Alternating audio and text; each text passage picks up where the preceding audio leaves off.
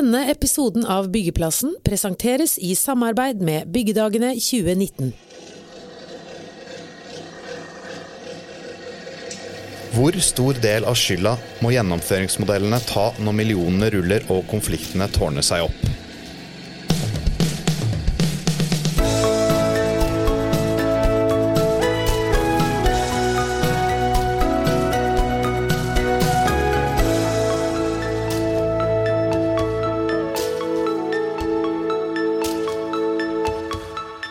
Er knapt noe som engasjerer entreprenørene mer enn gjennomføringsmodellene til statlige byggherrer. I dag har vi med oss Ståle Rød, konsernsjef i Skanska. og Bettina Sandvin, avdelingsdirektør i Vegdirektoratet. for å diskutere nye og gamle gjennomføringsmodeller. Ja, og vi kan jo begynne med deg da, Ståle Rød. I et innlegg på bygg.no nå i september så skriver du bl.a. at det har vært en positiv utvikling i bruken av nye gjennomføringsmodeller både innenfor bygg og anlegg. Eh, hva er det som har skjedd som har vært positivt? Det, det jeg synes er positivt, er jo at det virker som om eh, aktørene i bransjen har fått mer og mer opp øynene for hvordan vi kan utnytte komplementær kompetanse på en bedre måte, på et bedre sett, for å skape en økt kundeverdi. Om det gjelder å bygge mer vei for pengene, eller om det gjelder å bygge mer sykehus for pengene, eller hva det er. Så Det, det er på en måte den oppvåkningen i forhold til å innse at uh, alle er like viktig for å få et godt produkt. Uh, gleder meg å se. Men altså det med, med at man trekker veksler på kompetansen, har det altså vært en oppvåkning hos dere, de statlige byggherrene, med de nye kontraktsformene? Ja, det har vært en stor utvikling hos oss, det er ikke tvil om det. Før så bestilte vi prosjektering fra rådgiveren, tok imot den og leverte det videre til entreprenøren i detaljbeskrevet, og så bygde entreprenøren. Og det vi ser er at vi trenger byggekompetansen inn tidligere, og vi trenger kanskje også plankompetanse, eller de som har plankompetanse, til å være med og erfare litt litt senere, sånn at de kan gjøre det bedre fra starten av. Så vi er absolutt best sammen. Best sammen, og det, det kommer vi til å snakke helt sikkert kjempemye om utover i sendingen. Eh, kan ikke vi bare skru tilbake, tiden til i sommer? Eh, Rogfast. Da kom det en nyhet eh, både på bygd.no og i VG og andre plasser om at dere kom til å skru om litt der for å lytte til bransjen. Hva, hva hadde dere tenkt der i utgangspunktet, og hva skal dere gjøre nå framover med Rogfast? Ja, Det som er tenkt på Rogfast, det er bestemt for ganske mange år siden. Og Da er det tenkt tre store utførelsesentrepriser for å bygge. Og så er det tenkt én entreprise som tar for seg elektro og styring, som går gjennom hele tunnelen. Og det her er Norges lengste, dypeste undersjøiske Ikke bare Norges, verdens lengste, dypeste undersjøiske tunnel. Så det er ikke så lett å hakke opp den i masse småbiter, for du skal jo komme til mange hundre meter under vann. Et etter at den strategien er lagt, så har eh, det skjedd en stor utvikling i bransjen, og kontraktene har blitt annerledes. Eh, entreprenørene, og byggherrene og rådgiverne alle har lært mer. Og Vegvesenet har tatt en beslutning på at de største kontraktene skal vi fortrinnsvis gjennomføre som totalentrepriser. Dvs. Si at vi har endra vår strategi etter at strategien for Rogfast ble lagt. Og For å være helt sikre på at vi nå får det beste som vi kan få, og innafor de rammene vi har, så hadde vi lyst til å ta en dialog med bransjen. For det har jo vært også masse diskusjoner både i media og utafor media. Når er det for stort? Hvilken kontraktsform skal det være? Hvem skal egentlig ha risiko for hva? Og den diskusjonen har vi lyst til å ta nå, for å være sikre på at vi har en bra strategi, og om nødvendig endre den. Hva du tenker om det, Ståle Rød, det at de inviterer bransjen til å, å, ta en dialog på det, og kanskje da premien blir at en endrer kurs, da? Ja, først har jeg lyst til å si at jeg, syns det er veldig positivt at uh, Statens vegvesen og, og, andre offentlige byggere at de, de, på en måte tar initiativ til den type diskusjoner.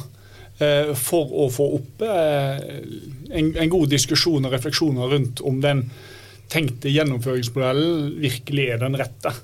Um, og Så uh, kan vi jo flytte oss inn på Rogfast. da. Uh, der, der, tenker jeg så at Det er et prosjekt som har vært utvikla og planlagt over lang tid. Uh, sånn som vi ser det, så er det, det kommet veldig langt. Og, og I et sånn type prosjekt så er det ikke så veldig mange forskjellige måter å gjøre det på. Man skal på en måte gå, gå den tunnelen fra nord og fra sør og fra Kvitsøy. og det, det er de tre alternativene du har. Det er gjort et formidabelt arbeid på, på geologien her nede. Grunnundersøkelser. Eh, og, man har vel definert en drivemetode òg. Så da, da, da, føler jo vi liksom at det prosjektet det har kommet så langt. Eh, og forutsatt at det er gjort en grundig og god detaljering av det, så, så, bør det ligge til rette der det er nå, for å bare la det gå som en utførelsesenterpris. Og jeg er helt sikker på at markedet vil respondere positivt på det. Så du vil ha utførelsesenterpriser der fortsatt, og ikke en totaletterprise? Jeg, jeg tror ikke så langt som prosjektet er kommet der at det er mulighet til å optimalisere vesentlig mer. Eh, men at det kanskje i en, en utførelsespris òg kan legge inn forskjellige slags insentiver for å finne andre løsninger. Eh, kanskje ikke nødvendigvis på drivmetode, men, men, det kan jo være detaljer der som ikke er fullt tenkt ut, og hvor jeg tenker at partene bør ha en gjensidig interesse da, av å gjøre prosjektet enda bedre. Hva lander dere på på Rogfast? Ja, Det vet vi ikke ennå. Vi har hatt uh, den konferansen hvor vi hadde samtaler med 23 enkeltaktører. Det var veldig bra. Uh, og så skal vi nå på fredag ha et møte med bransjeorganisasjonene, både BNL, EBA og MEF. Og i etterkant av det så skal vi ta beslutningen. Men kan du si noe mer om hvilke tilbakemeldinger dere har fått fra mm. aktørene? Mm. Nei, det vi har, vi har, fått på Det er som Ståle sier, at det går ikke an å dele den opp på så mange andre måter. Det er tre angrepspunkter, og da er det greit med tre kontrakter. Noen eh, tenker at det er helt eh, ikke mulig å ha større kontrakter. altså Den første nå er på i størrelsesorden 3,5 milliard, og det får være nok. Mens andre utenlandske tenker at det ikke er noe sånn kjempestort. Men selve inndelingen i kontrakter, det får vi veldig positive tilbakemeldinger på. Vi får også veldig positive tilbakemeldinger på måten vi har tenkt å gjennomføre konkurransen. At vi skal ha en dialog med de som skal gi tilbud, før de gir tilbud. Sånn at de skjønner eller blir godt kjent med risikodeling og tankene som ligger bak det som er gjort. Eh, når det gjelder akkurat kontraktsform, totalentreprise, utførelsesentreprise, så er det eh, opplever jeg ganske sånn unisont at eh, bransjen er positive til totalentrepriser. Og så på Rogfast spesielt, så er det litt mer som Ståle sier, at man tenker ja, men herre Mons, liksom. Her har dere jo det prosjektert alt. Hvis vi skal, som entreprenør skal ta over ansvaret, så vil vi måtte prosjektere noe om igjen. Og det blir en ekstrakostnad. Og så er det også en sånn veldig utålmodighet i markedet. De har eh, rigga seg for å legge tilbud og bruke tid og sette av ressurser til det. Så de vil gjerne at vi skal komme ut. Men jeg tenker jo at selv om vi har prosjektert mye, hvis man skulle endre strategi, så må man jo løse opp i noe. Da kan ikke alle detaljer være låst. Det er litt av forutsetningen. Og det er jo den vurderingen vi må ta, om vi har noe å løse på, og om det vil være tjent med at entreprenøren, at de frihetene gjør at han bør overta prosjekteringsansvaret også. Nå sa jeg vel kanskje at det var en premie å skru om, men det høres ikke ut som at det er en premie i hele tatt. Nei, men, ja, det, det som Bettina er inne på, vi, vi, er jo litt sånn opptatt av at, at uh, prosjekter ikke bare snakkes om, men at de faktisk kommer i markedet og gjennomføres. Mm. Uh, og så tenker vi at nå her er gjort et, et, det vi forventer et grundig og godt arbeid, og det er kommet så langt som det er kommet, da, så, så, eh, tror jeg at både vi og, og altså bransjen og samfunnet ville være best tjent med at vi bare fikk gjennomført det. Eh, og, og, i den settingen så, så, ser vi liksom lite potensial eh, i å utvikle det så mye mer. Vi ser kanskje en større trussel og en risiko da, i å, både tid og kost i forhold til den eh, risikooverføringen som naturlig skjer i en totalentreprise. Hvor eh, mange aktører her i en tilbudskonkurranse da må må etablere team for prosjektering. Sant? Rigge seg fullstendig om. Eh, det vil kreve ganske lang tid å på en måte prosjektere dette opp til et grunnlag der du føler at du kan håndtere risikoen. Så skal det prises. Så litt sånn, få dette i markedet fort. Da tror vi at bare kjør på med det du opprinnelig hadde tenkt, og så er vi klar for det så er det klar for det. Så får vi håpe at det ikke blir konflikter ut av det til slutt, for det har vel vært noe av ankepunktet mot utførelsesenterprisen. Og det er vel kanskje derfor det har stoppa litt opp her. Altså, det var en av de tingene vi ba om tilbakemelding på i den dialogkonferansen som vi hadde, om entreprenørene mener at den ene kontraktsformen eh, driver fram mer konflikter enn den andre. Og jeg tror I utgangspunktet så tror jeg vi mener at ingen av kontraktene nødvendigvis bygger konflikt, men det gjelder å bygge, bruke rett kontrakt på rett sted. Og da er det mange som sier at totalentreprise, færre grensesnitt, litt sånn generelt mindre konflikter. Og Det er litt av grunnen til at vi tenker at vi skal ha det på de store kontraktene. Mm. Så har vi Nye Veier som har kommet inn. Litt annen måte å tenke på gjennomføringsmodeller. Hvor, hva har det hatt å si? Jeg, altså, jeg, jeg, tror Nye, nye Veier seg selv har jo vært på en måte en driver i forhold til, til den utviklinga i bransjen. Altså, det, det, kommer nye mennesker, ny struktur som, som tenker litt nytt. Og, og, det har vært bra. Det har utfordra oss, og det utfordrer Statens vegvesen. Og jeg tenker det er bare positivt. Eh, og så, så har jeg lyst til å støtte meg på, på det Bettina sier, at konkurranse, eller gjennomføringsmodell i seg sjøl utførelsesentreprise eller totalentreprise. Hvorfor skulle det, det ene være mer konfliktskapende enn det andre hvis ting er gjort rett, og hvis forutsetningene stemmer. Så du må på en måte se bak modellen. Hva er grunnen til at vi ender i konflikter? Og veldig ofte så handler dette om at kart og terreng ikke stemmer. Sant? Du har planlagt, tenkt, prosjektert en løsning, men når gravemaskinen står der ute i myra, da, så var myra ti meter dyp og ikke to meter dyp. Sant? Og da, da har du utfordringer med en gang. Så er spørsmålet liksom robustheten i gjennomføringsmodellen i forhold til det. det er, jeg tenker, det er litt for enkelt å si at en utførelsesentreprise er konfliktskapende. Eh, det handler litt om hvor, hvor godt og grundig og nøye detaljert det skåpet er på baksiden. Men det vil ha, ha I totalentreprisen så vil det tidligere inn på for å få litt mer kontroll på det med prosjektering og ha litt mer kontroll på den der myra. da. Ja, og det kan, det kan si at da er vi tilbake til på en måte hva er driverne, hva er verdidriverne. sant? Eh, og Der vi mener helt klart at det her med et, et økt grad av et samspill, det med mer komplementær kompetanse inn, leverandør- og entreprenørkompetansen tidligere inn i prosjekt, det er en verdi i forhold til å avdekke mer risiko eh, kanskje vurdere se andre alternative løsninger sant, som kan optimalisere prosjektet. Eh, men så er jo vi som Statens vegvesen opptatt av risiko, risikodeling, risikobalanse i prosjektene. Det ligger jo alltid der, så vi må finne en sånn en gyllen middelvei på det. Mm. Hvordan, ja, Bettina, du uh... Ja, nei, jeg tenker Det er en annen dimensjon i det her. Altså Når vi skal velge en kontraktstrategi på et prosjekt, så er det, det er utrolig mange ting vi kan velge mellom. Og utrolig mange kombinasjoner av ting. Hvordan du gjennomfører konkurransen, hvordan kontrakten ser ut, hvilke kontraktsmekanismer og ansvarsdelinger du har, og hvordan du deler det opp. Uh, og vi skal finne den kombinasjonen som til sammen sikrer at prosjektet når de måla det skal, og at vi kommer i mål på de rammene vi har sagt.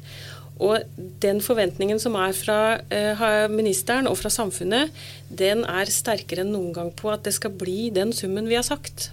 Altså Vi trenger en større forutsigbarhet på sluttsummen enn det vi har trengt før.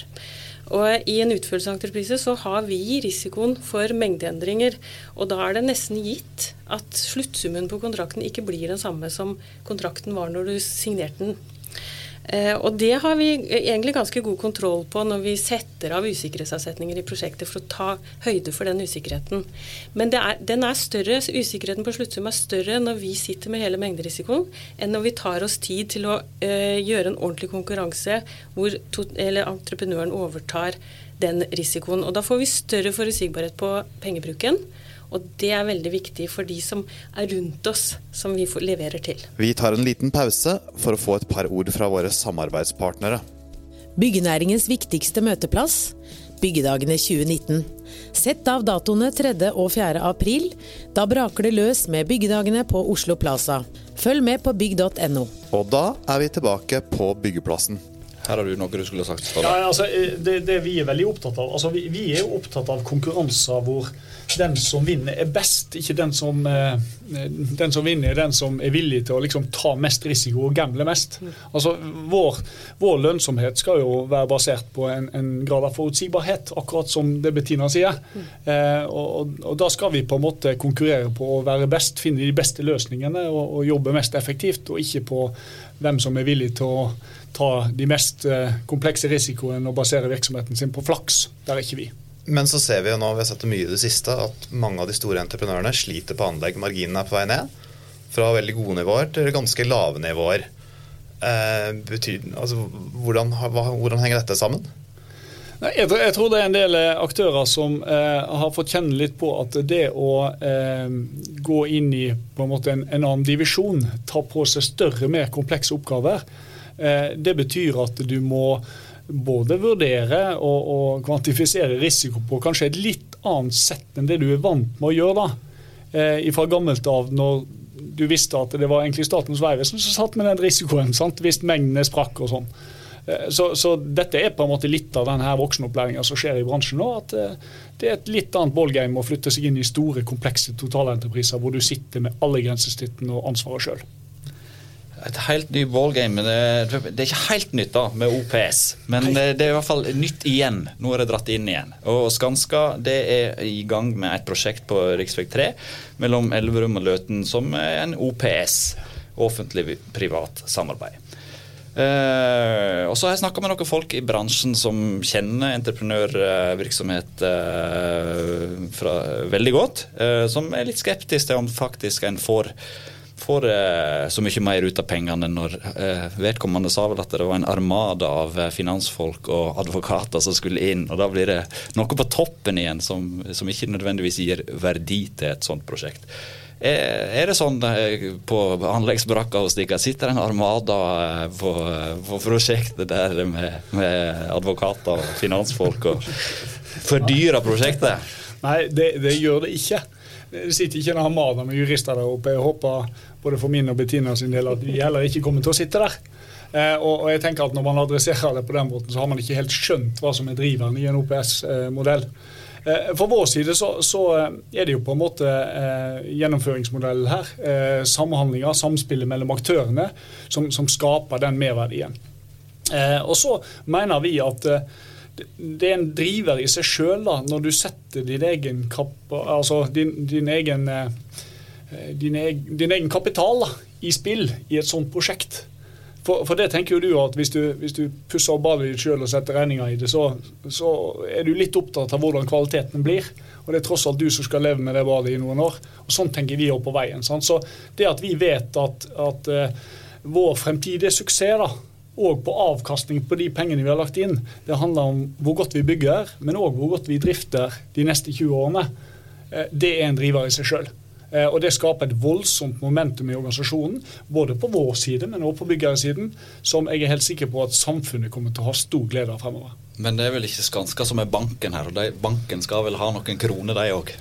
Ja, banken skal ha eh, noen kroner. Eh, nå er jo vi i en sånn setting at vi, vi, eh, vi går ut og henter noen penger, men, men, i det settingen der oppe så investerer vi jo faktisk pensjonsmidler òg inn i, i, prosjektet. Så er det jo klart vi har tro på dette her. Og, og alle de ansatte i Skanska som er avhengig av pensjon en gang i fremtiden, de har et bevisst forhold til at dette skal være en god investering for de, og en god investering for Skanska. Men blir det en god investering for Statens vegvesen? Ja, det mener vi det blir. Jeg har lyst til å si litt om de der advokatene. Fordi at eh, i, i, forskjell til nesten alle andre kontrakter vi har, så skal vi altså være i et kontraktsforhold i 20-30 år når vi går inn i OPS. Og da må vi ha en god kontrakt i bånn. Vi er nødt til å, ha, å, jobbe oss godt igjennom at risikoen er fordelt riktig, og hva hvis Det er mye som kan skje på den perioden. Og det er det disse advokatene har hjulpet oss med, sånn at vi skal kunne leve godt sammen i 20-30 år framover. Og hvis du tar det i det perspektivet, så er den innsatsen veldig, veldig liten, og absolutt verdt pengene. Men det har vel òg hatt lignende, en lignende modell i, eh, er det på Helgeland nord? Yep. Eh, der de har tatt ut finansbiten. Mm. Er ikke det en like grei måte å gjøre det på?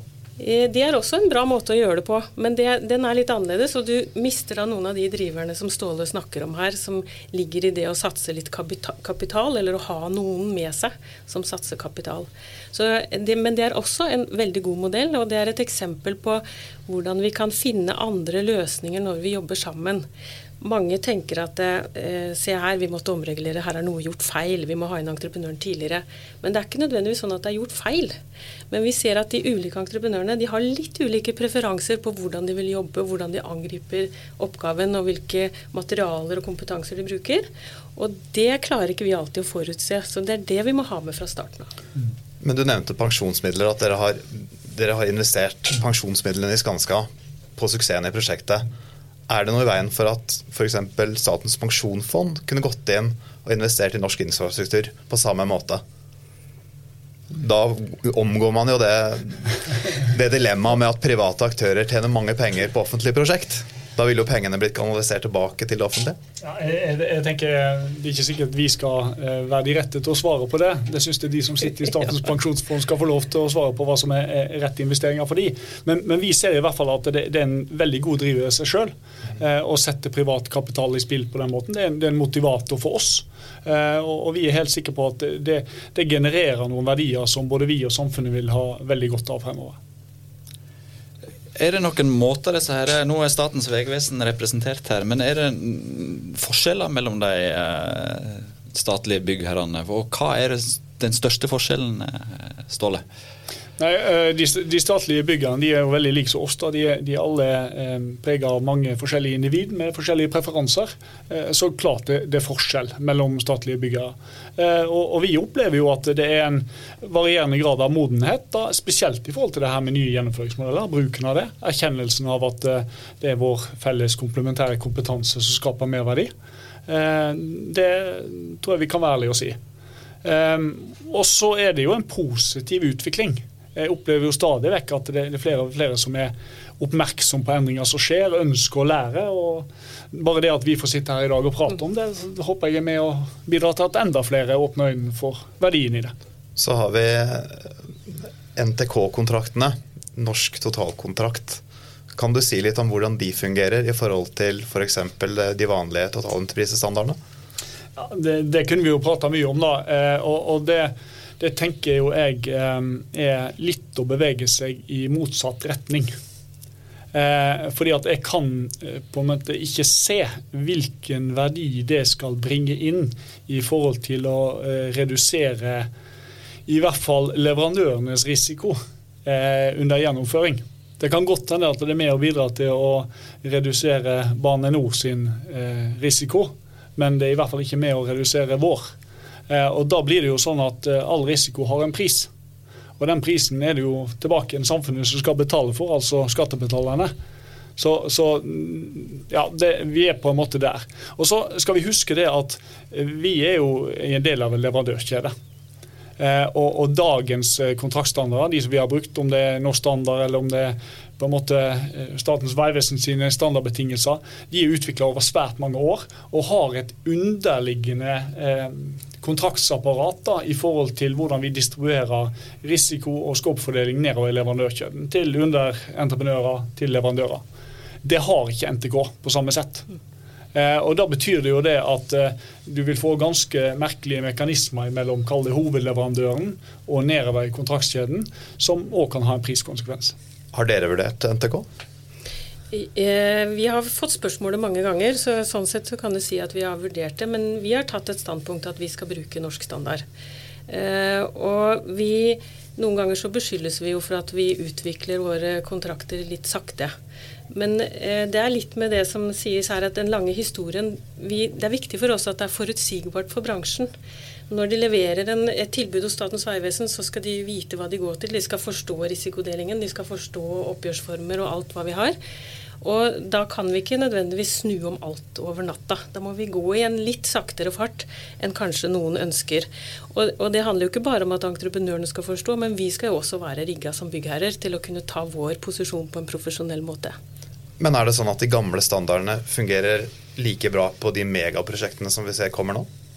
Altså, jeg tror i utgangspunktet ikke noe i veien med de standardene, men at vi helt sikkert kan optimalisere ting med det gamle standardverket som eh, hensyntar at store, komplekse prosjekter over svært lang tid kanskje krever en litt annen tilnærming til hvordan du håndterer bl.a.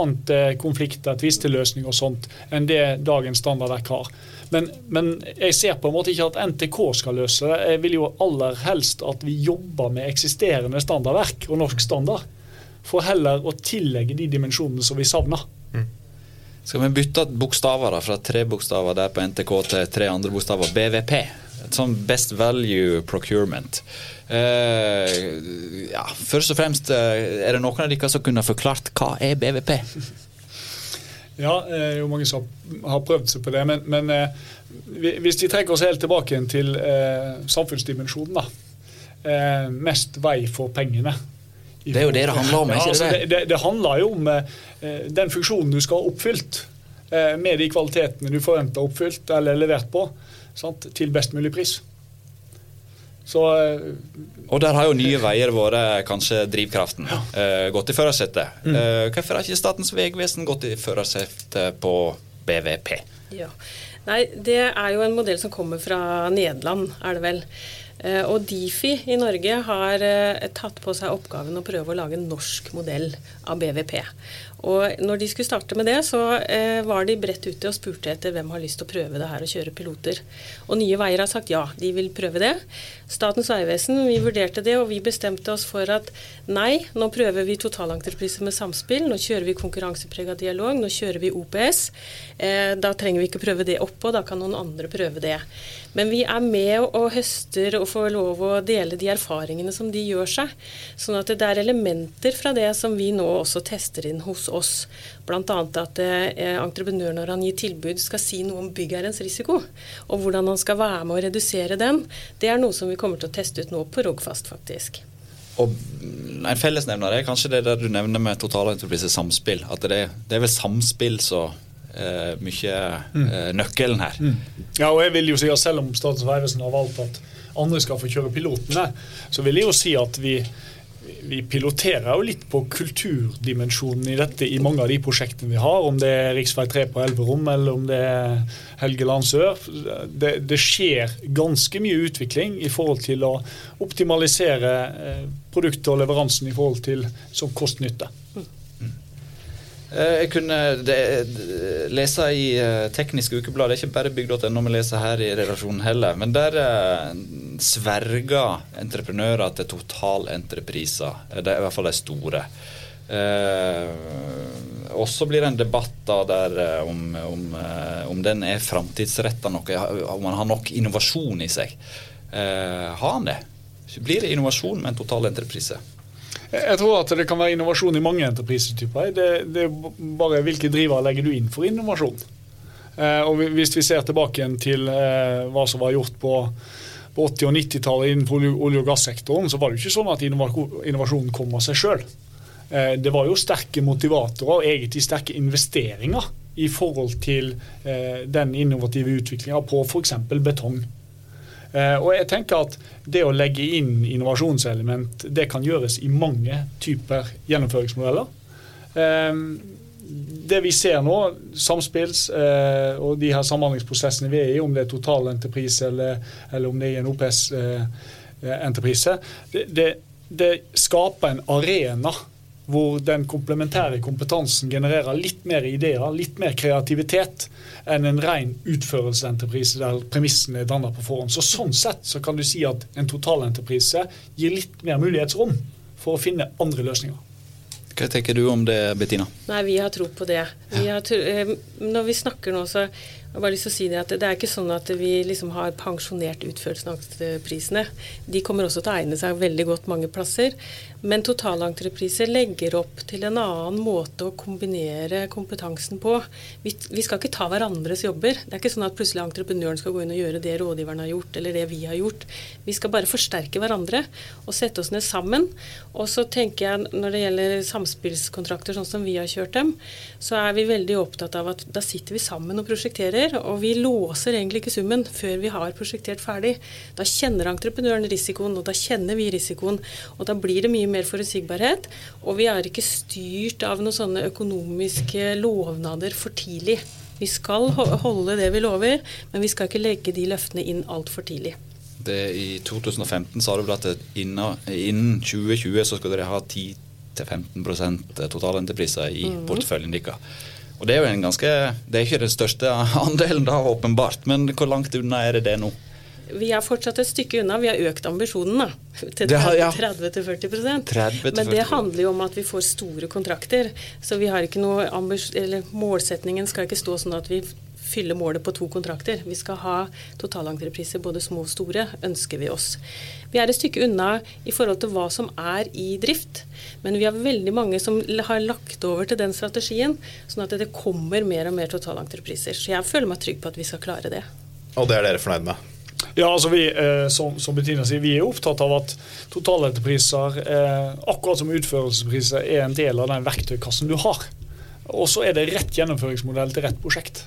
Det er det som står i formålet. Og det er jo min tilbakemelding på, på Rogfast òg. Uh, Begynt for noen år siden, så kanskje totalentrepriser hadde vært kjempegreier. Der du er nå, fortsett med det du har planlagt. Da er vel vår gjennomføringsmodell her i byggeplassen ved veis ende. Uh, takk til gjestene våre, Ståle Rød og Bettina Sandvin. Bak lydspaken har vi hatt Alf Magne Hillestad, og programledere var Christian Aarhus og Frode Aga.